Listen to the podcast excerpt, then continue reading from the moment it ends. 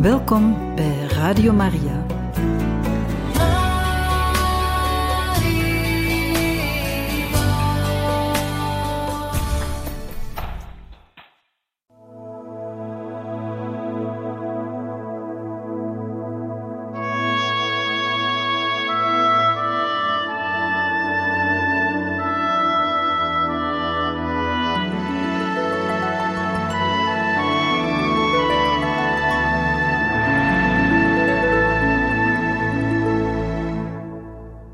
We gaan verder met de geestelijke oefeningen van Johannes de 23ste in 1961.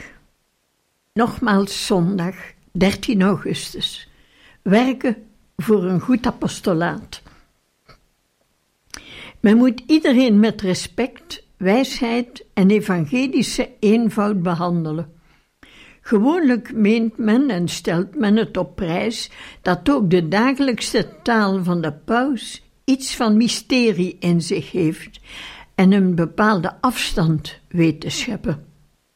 De meer aantrekkelijke, die in nauw verband staat met de wijsheid van wijze en heilige, die God helpt, is daarentegen meer in overeenstemming met het voorbeeld van Jezus. De eenvoud kan bij de bedweters, ik wil niet zeggen minachting, maar toch een mindere achting opwekken. Het doet er weinig toe of de bedweters, met wie men in het geheel geen rekening hoeft te houden, soms enige vernedering kunnen veroorzaken door hun oordeel en manier van doen. Alles keert zich tot hun nadeel en hun eigen schande. De eenvoudige, rechtvaardige en godvrezende is altijd waardiger en sterker. Natuurlijk wordt hij altijd gesteund door een verstandige en minzame wijsheid. Hij is eenvoudig.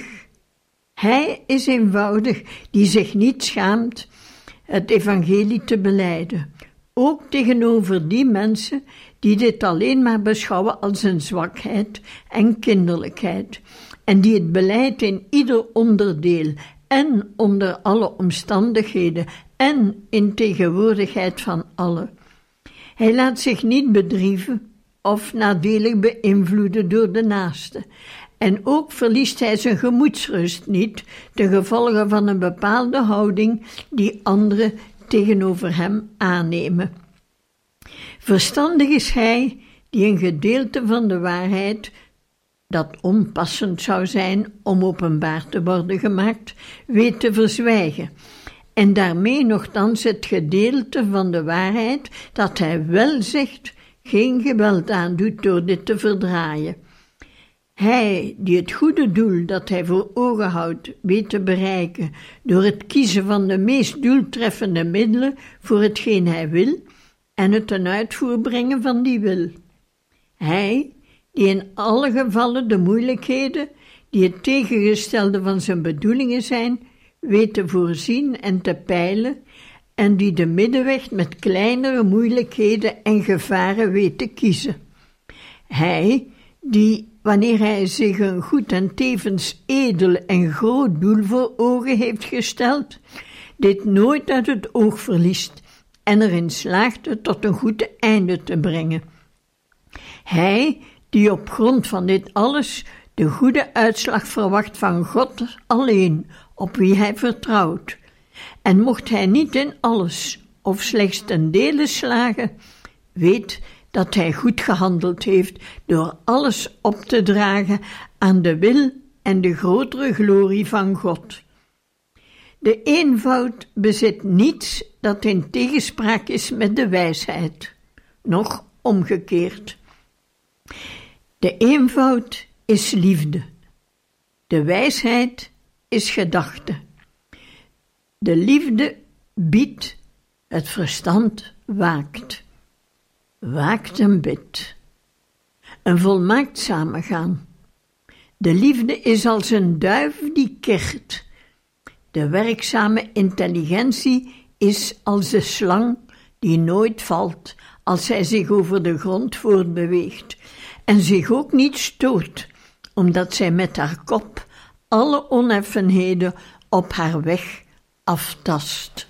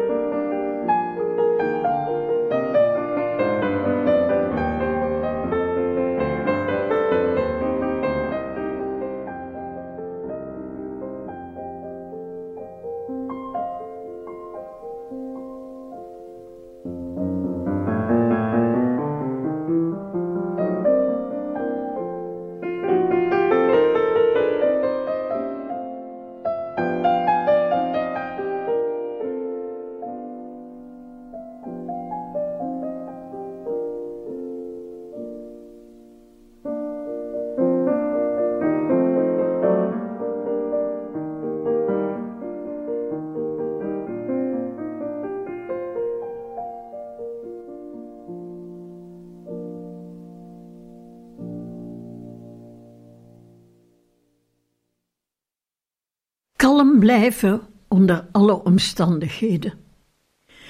De Heer Jezus, stichter van de Heilige Kerk, is degene die met wijsheid, macht en onuitsprekelijke goedheid alle gebeurtenissen regelt naar zijn welbehagen en tot groter welzijn van zijn uitverkorenen, die zijn geliefde mystieke bruid vormen.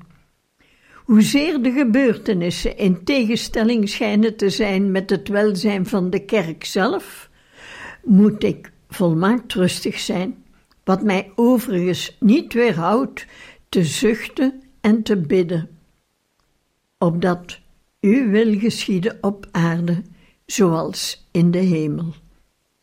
Ik moet oppassen voor de roekeloosheid van hen die blind van geest of misleid door verborgen hoogmoed zich erop voor laten staan iets goeds te doen, zonder dat zij door God in zijn kerk geroepen zijn, en alsof de goddelijke verlosser enige behoefte had aan hun erbarmelijke medewerking of aan die van wie dan ook. Waar het voor allen op aankomt, dat is het samenwerken met God ten bate van het heil van de mensen en van de gehele wereld. Dit is onbetwist de voornaamste en eerste taak die de paus heeft. Denk bij alles aan het einde. Het gaat hier niet over de eindterm van het menselijk leven, maar over het doel, over de goddelijke bestemming, waarvoor de paus door een onnaspeurlijke beschikking van de voorzienigheid werd aangewezen. Deze bestemming wordt uitgedrukt in een drievoudige glans: de persoonlijke heiligheid van de paus, waardoor zijn leven glorierijk wordt, de liefde voor de gehele kerk naar de maat van de hemelse genade, die alleen de glorie van de kerk kan bevorderen en verzekeren, en tenslotte de vrije beslissing van Jezus Christus, die alleen door middel van de paus leiding geeft aan de kerk en deze naar zijn welbehagen regeert, met het oog op die glorie, welke de grootste is op aarde en in de eeuwigheid van de hemel. De heilige plicht van de nederige paus is om in dit glorierijke licht al zijn bedoelingen te zuiveren en te leven in overeenstemming met lering genade, zo dat hij de grote eer waardig is in volmaaktheid vergeleken te worden met Christus, wiens plaatsvervanger hij is. met de gekruisigde Christus, die ten koste van zijn bloed de verlosser der wereld werd, met Christus als rabbi of leermeester, de enige ware leermeester voor de eeuwen en voor de volkeren.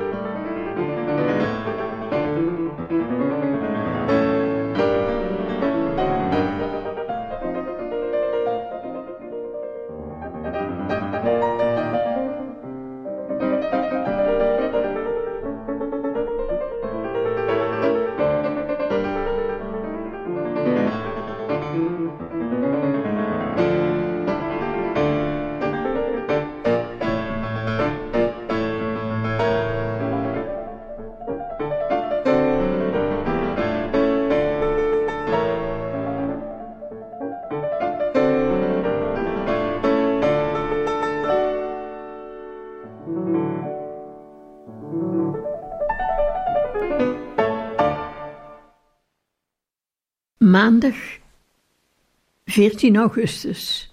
Zes normen voor de volmaaktheid. Voor het doel dat ik in mijn leven bereiken wil, moet ik 1. Alleen wensen rechtvaardig en heilig te zijn en daardoor God te behagen. 2. Alles, gedachten en daden richten op de groei, de dienst en de glorie van de Heilige Kerk. 3. Daar ik mij door God geroepen voel en juist daarom moet ik volmaakt rustig blijven bij alles wat er gebeurt, niet alleen met betrekking tot mijzelf, maar ook met betrekking tot de kerk, terwijl ik toch altijd ten nutte van de kerk werk en tezamen met Christus voor haar leid. 4 mij steeds overgeven aan de goddelijke voorzienigheid. 5. Mij altijd bewust zijn van mijn onwaardigheid. 6. Altijd mijn dag met helder inzicht en volmaakte orde indelen.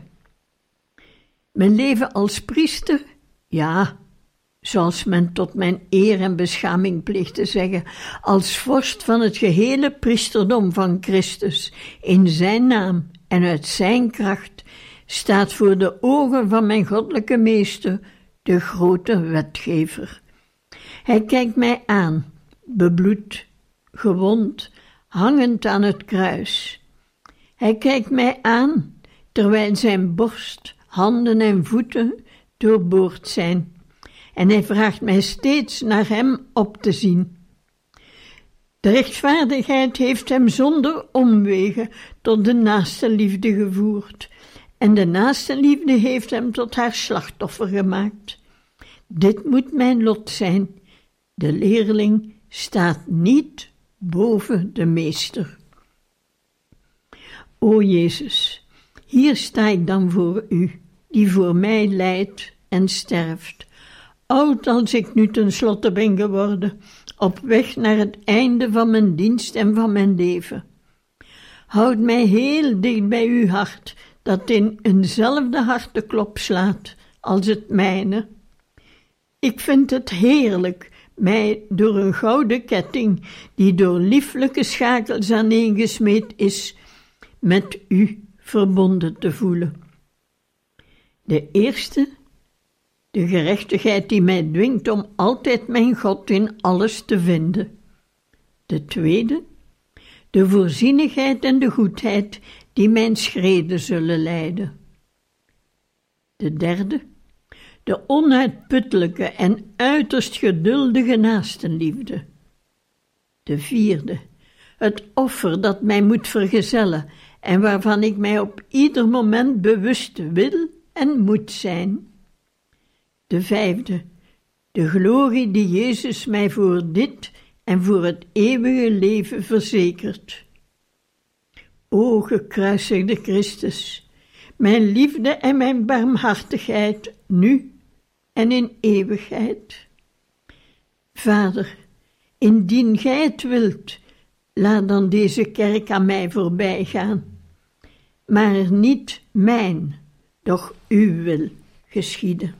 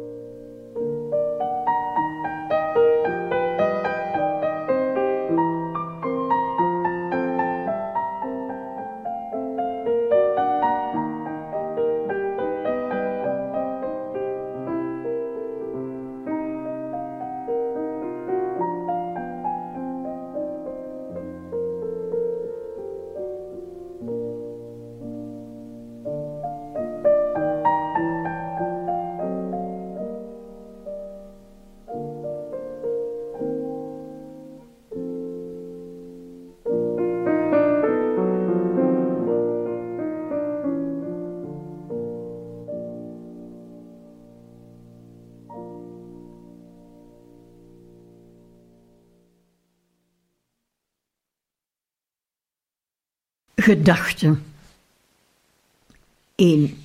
Het nut van de bekoringen.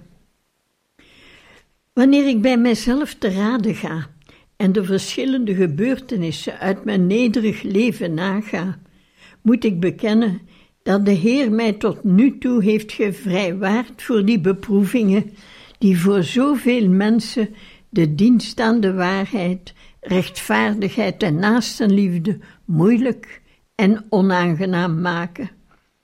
Ik heb de kinder- en de jeugdjaren doorgemaakt zonder mij bewust te zijn van de armoede, zonder moeilijkheden in de familie, bij de studie, zonder gevaarlijke gebeurtenissen, zoals bijvoorbeeld de militaire dienst op twintigjarige leeftijd dit was, en vervolgens de dienst tijdens de Grote Oorlog van 1915 tot 1921. Klein en eenvoudig als ik ben, is mij altijd een aangename ontvangst ten deel gevallen in de omgeving die mij opnam, vanaf het seminarie te Bergamo en Rome, gedurende de tien jaar van mijn priesterlijke loopbaan naast mijn bisschop in mijn geboortestad. Vanaf 1921 dus, tot nu toe 1961, dat wil zeggen van Rome tot Rome, tot in het Vaticaan. Mijn goede God, hoe kan ik u danken voor de goede ontvangst die altijd mijn deel werd, waarin ik mij ook begaf in uw naam, altijd in volledige gehoorzaamheid, niet volgens mijn, maar volgens uw wil. Wat zal ik wedergeven, o Heer, voor alles wat ge mij geschonken hebt? Ik zie heel goed dat mijn antwoord aan mijzelf en aan de Heer steeds moet zijn: de kelk van het heil te nemen en de naam des Heeren aan te roepen. Zoals ik reeds op deze bladzijde heb vermeld, indien en wanneer voor mij de grote beproeving komt, zal ik deze op waardige wijze aanvaarden. En als zij nog een beetje op zich laat wachten, zal ik voortgaan de beker met het bloed van Jezus te drinken, met die kleine of grotere bijkomstige moeilijkheden waarmee de goedheid van de Heer deze heeft willen omringen. De korte Psalm 130 zegt: Heer, mijn hart is niet hoogvaardig en mijn ogen zijn niet trots. Ik tracht niet naar grootse dingen en naar zaken die boven mij verheven zijn. Integendeel, ik breng mijn ziel tot rust en vrede, zoals het kleine kind op de schoot van zijn moeder. Zo rust mijn ziel in mij. Deze woorden hebben steeds een grote indruk op mij gemaakt en doen dit nu nog. O, wat zijn dit heerlijke woorden! Maar als zij tegen het eind van mijn leven vertroebeld mochten worden, dan zult gij, o Heer, mij troosten in mijn kwelling.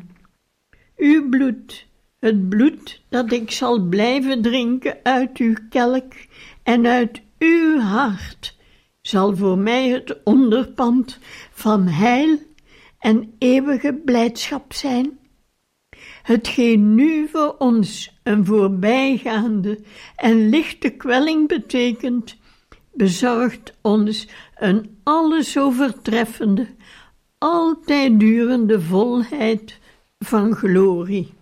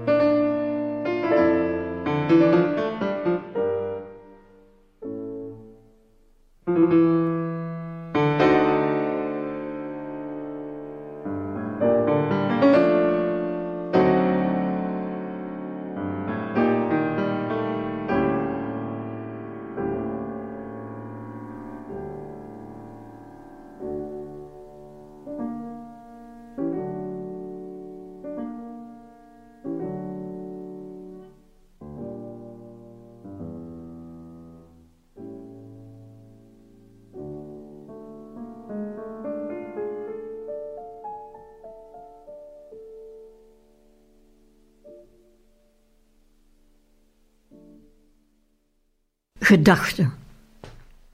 2. Tevreden zijn met het dagelijks apostolaat. Geen tijd verliezen met verwachtingen voor de toekomst. Christus is dezelfde, gisteren en heden en in eeuwigheid. Geen voorspellingen doen en geen zekerheden scheppen, scheppen omtrent de toekomst is de gedragsregel die voortkomt uit een rustige, sterke geest. Daardoor moeten de gelovigen en de priesters licht en aanmoedigingen kunnen ontvangen van de paus als hun opperpriester. De bron waaraan elk priesterschap ontspringt is Christus, zoals Sint Thomas ons verzekert, de priester naar de wet van het Oude Testament was de voorafbeelding van Christus. De priester van het Nieuwe Testament treedt op in zijn persoon. Dit moet van de paus op meer verheven wijze gezegd kunnen worden. Ook met betrekking tot bewustzijn van de paus, die zich doortrokken voelt van de tegenwoordigheid, de genade en het licht van Christus, en zich aan hem in alles, gedachten en werken, bij de veelvuldige uitingen van zijn apostolische activiteit toevertrouwt. De zorg voor het heden is voldoende. Het is niet nodig de verbeelding te laten werken en angst aan de dag te leggen bij het vormen van een beeld voor de toekomst. De plaatsvervanger van Christus weet wat Christus van hem wil, en het is niet nodig dat hij voorgaat om hem raad te geven en hem voorstellen te doen. Grondregel voor het gedrag van de paus is altijd tevreden te zijn met zijn tegenwoordige staat en zich niet te bekommeren over hetgeen in de toekomst ligt. Doch alles aan de Heer over te laten, zonder menselijke berekeningen te maken of voorzieningen te treffen, noch er gemakkelijk met een gerustheid over te spreken tegen wie dan ook. De ondervinding van deze drie jaren in dienst van het pauschap dat ik met angst en beven op me genomen heb, enkel in gehoorzaamheid aan de wil van de Heer, die zich uitte in de stem van het Heilig College van Kardinalen tijdens het conclaaf, is een getuigenis en een voortdurende, aansporende reden tot inwendige trouw aan deze stelregel, absolute overgave aan God voor wat betreft het heden en volmaakte rust omtrent de toekomst. Alles van de verschillende ondernemingen van pastoraal karakter dat verweven is met deze eerste tijd van de pauselijke apostolische taak, is voortgekomen uit absolute, stille, lieflijke, ik zou bijna willen zeggen, zwijgende inspiratie van de Heer aan zijn arme dienaar, die zonder enige verdienste van zijn kant, behalve de zeer eenvoudige verdienste van niet te praten, maar eenvoudigweg te helpen en te gehoorzamen, is kunnen uitgroeien tot een niet onnuttig instrument tot eer voor Jezus en tot stichting van vele zielen. De eerste contacten met de hoge plaatsen en met de nederige, enige weldadigheidsbezoeken hier en daar, zachtmoedigheid en nederigheid bij de ontmoetingen, om tot een gemakkelijke gedachtenwisseling te komen en ter aanmoediging te dienen. De bezoeken in vaste tijd aan de nieuwe parochies en het houden van de diocesane synode, die een onverwacht succes had. Het optreden als vader van de gehele christenheid door de veelvuldige benoemingen van kardinalen en bisschoppen van iedere natie, van ieder ras en huidskleur. En nu de grootste gebeurtenis van onvoorziene, zeer indrukwekkende omvang, het Ecumenisch Concilie. Dit alles bevestigt de juistheid van het principe, met overtuiging eenvoud en innig vertrouwen de goede inspiraties van Jezus af te wachten, die het bestuur van de wereld regelt en voert naar de hoogste bedoelingen van de schepping, van de verlossing, van de uiteindelijke en eeuwige glorie van de mensen en van de volkeren.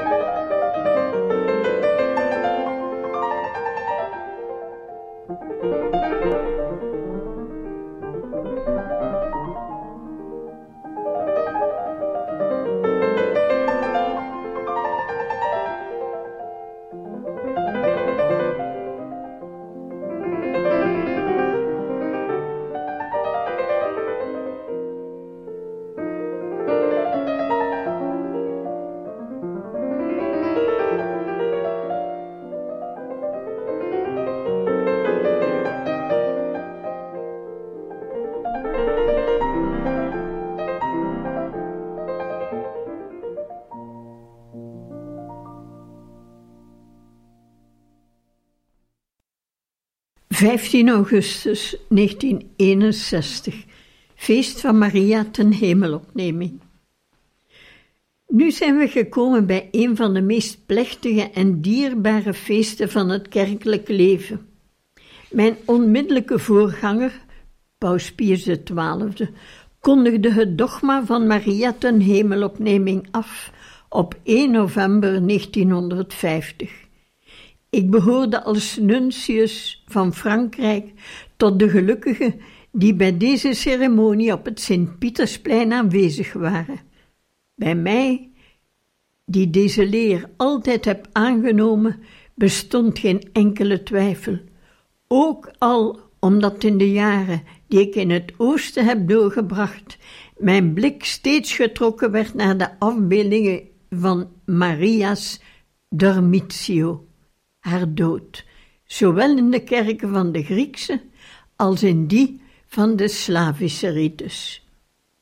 Met tederheid brengt de dag van Maria ten hemelopneming mij in gedachten naar Sotto il Monte terug, waar ik het zo heerlijk vond haar in haar twee beelden te vereren.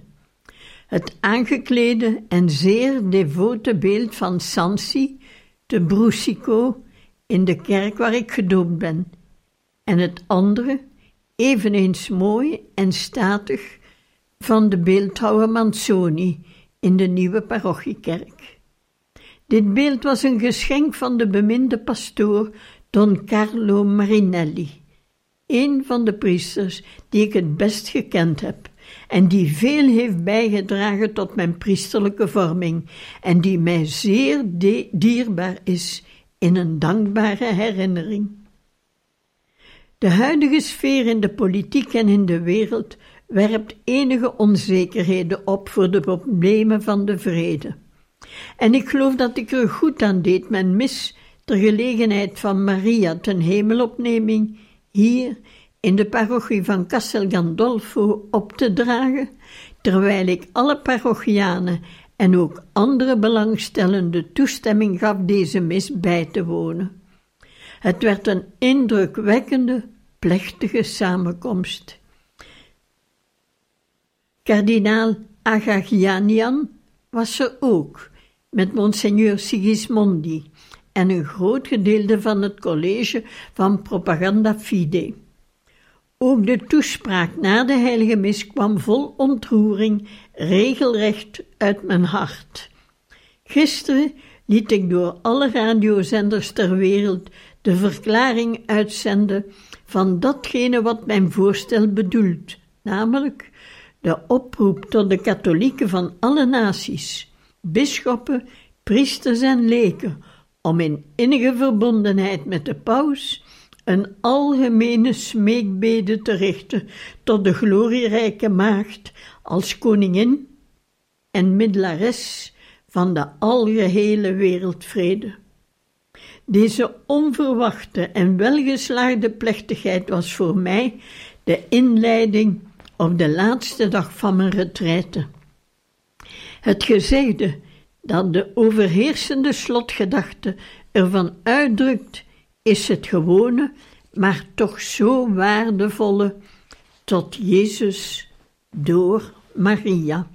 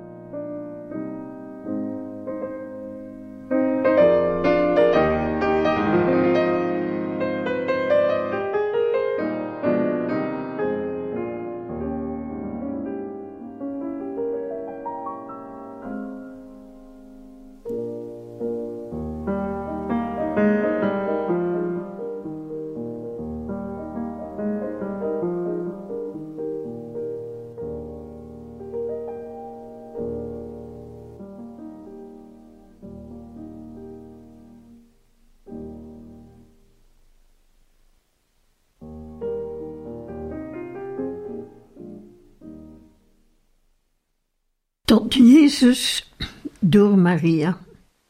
Inderdaad, kan ik voor mijn leven dat er kimmen echt geen betere oplossing vinden dan mij geheel te concentreren op Jezus, de Zoon van Maria. Door haar toedoen immers is Hij mij tot zoete troost van mijn geest geschonken. Om deze reden zal ik met een buitengewone zorg en met een inwendige, echte blijdschap letten op deze drie uiterst belangrijke en prachtige woorden, die de samenvatting moeten blijven van mijn streven naar de volmaaktheid, godsvrucht, zachtmoedigheid, liefde. Ik zal blijven zorgen voor een vervolmaking van mijn godsdienstige plichten, de heilige mis, het brievier, de volledige rozenkrans en een diep en voortdurend geestelijk contact met Jezus, afgebeeld in verschillende voorstellingen, kind of gekruisigd en aanbeden in het heilig sacrament. Het brevier heeft voortdurend een verheffende invloed op mijn geest. De heilige mis dompelt hem in de naam, in het hart en in het bloed van Christus. O, wat een tedere liefde en wat een rustgevend genoegen is voor mij elke morgen opnieuw mijn heilige mis. De rozenkrans, die ik sinds mijn voornemen van begin 1958 vol aandacht volledig tracht te bidden, is een voortdurende meditatie en een stille dagelijkse contemplatie geworden. Hij houdt mijn geest geopend naar het uitgebreide terrein van mijn leraarsambt, van het ambt van opperherder over de kerk van algemeen vader van de gelovigen.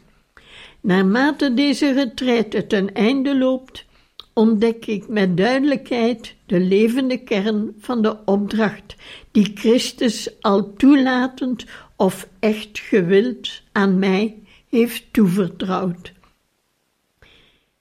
Plaatsbekleder van Christus? Ach, ik ben deze titel niet waardig. Ik, arme zoon van Battista en Marianna Roncalli. Zeker, twee goede christenen, maar zo eenvoudig en nederig. Plaatsbekleder van Christus, dus daar ligt mijn taak. Priester en slachtoffer. Het priesterschap brengt mij in vervoering, maar het offer dat het priesterschap vraagt, doet mij beven. Goede Jezus, God en mens. Ik bevestig mijn toewijdingen aan U voor het leven, voor de dood en voor de eeuwigheid. Uit de beschouwing van wat er in het leven gebeurt en wat mij omringt, valt het mij niet moeilijk dikwijls bij de Calvarieberg te blijven en daar te spreken met de stervende Christus en met zijn moeder, en om van de Calvarieberg af te dalen naar het altaar, de verblijfplaats van Jezus in het sacrament. Het brevier wordt mij steeds aangenamer en ik geniet er het meest van als ik aan mijn schrijftafel zit. Maar de rozenkrans met overdenking van de mysteries en met de intenties die ik sedert enige tijd graag aan ieder tientje verbind, bid ik het liefst in een geknielde houding voor het tabernakel. Ter herinnering aan de vurigheid en aan de gelukkige inspraken van deze dagen wil ik enkele afzonderlijke punten voor mijn dagelijks contact met Jezus vastleggen. Namelijk 1. S'morgens na het bidden van het brevier, de heilige mis, voor de mis tot de sexte na de mis de sexte en none en het eerste gedeelte van de rozenkrans. 2. Na de maaltijd, nooit zal ik mijn kort bezoek onmiddellijk na het verlaten van de eetzaal overslaan. Ook een korte rustpauze niet. 3. In de middaguren en na de korte rust, nooit in bed, maar in een lichtstoel moet ik de vespers en de complete bidden en het tweede gedeelte van de rozenkrans, namelijk de droeve geheimen. Dit gebed kan ook gelden voor een bezoek aan het Allerheiligste Sacrament. 4. S'avonds om half acht, derde gedeelte van de Rozenkrans, samen met de pauselijke huishouding, secretaris, zusters en bedienden. Als het mogelijk is, een laatste groet aan het Allerheiligste Sacrament ter aanbeveling van de nachtelijke uren. Wat betreft de beoefening van de zachtmoedigheid, voeg ik hier verder niets aan toe. Ik dank de goedheid van de Heer, die mij bijstaat in de beoefening van het zachtmoedig en nederig van hart zijn, in woord en daad. Hetzelfde voor wat betreft de naastenliefde. Het is de Heilige Geest die in ons woont, in ons spreekt en werkt en die uitgestort wordt over klerus en volk, in veel geduld en in ongeveinsde goedheid. Ik heb het algemeen gebed van Paus Clemens de pardon, van Paus Clemens XI. Ik geloof, Heer, maar versterk mijn geloof, enzovoorts. Verrijkt met een volle aflaat. 11 maart 1960. De herinnering aan deze paus, Giovanni Francesco Albani, van 1700 tot 1721, is mij bijzonder dierbaar, ook wegens zijn vroomheid en zijn devotie tot de heilige Jozef, op wiens feestdag hij stierf, 19 maart 1721. Ik zal mij eraan gewennen zijn gebed vaker te bidden. Pastor zegt ervan dat het een monument is, dat blijvender is dan brons en marmer. Simon, zoon van Johannes, bemint ge mij meer dan zij? Bemint ge mij? Houdt ge van mij?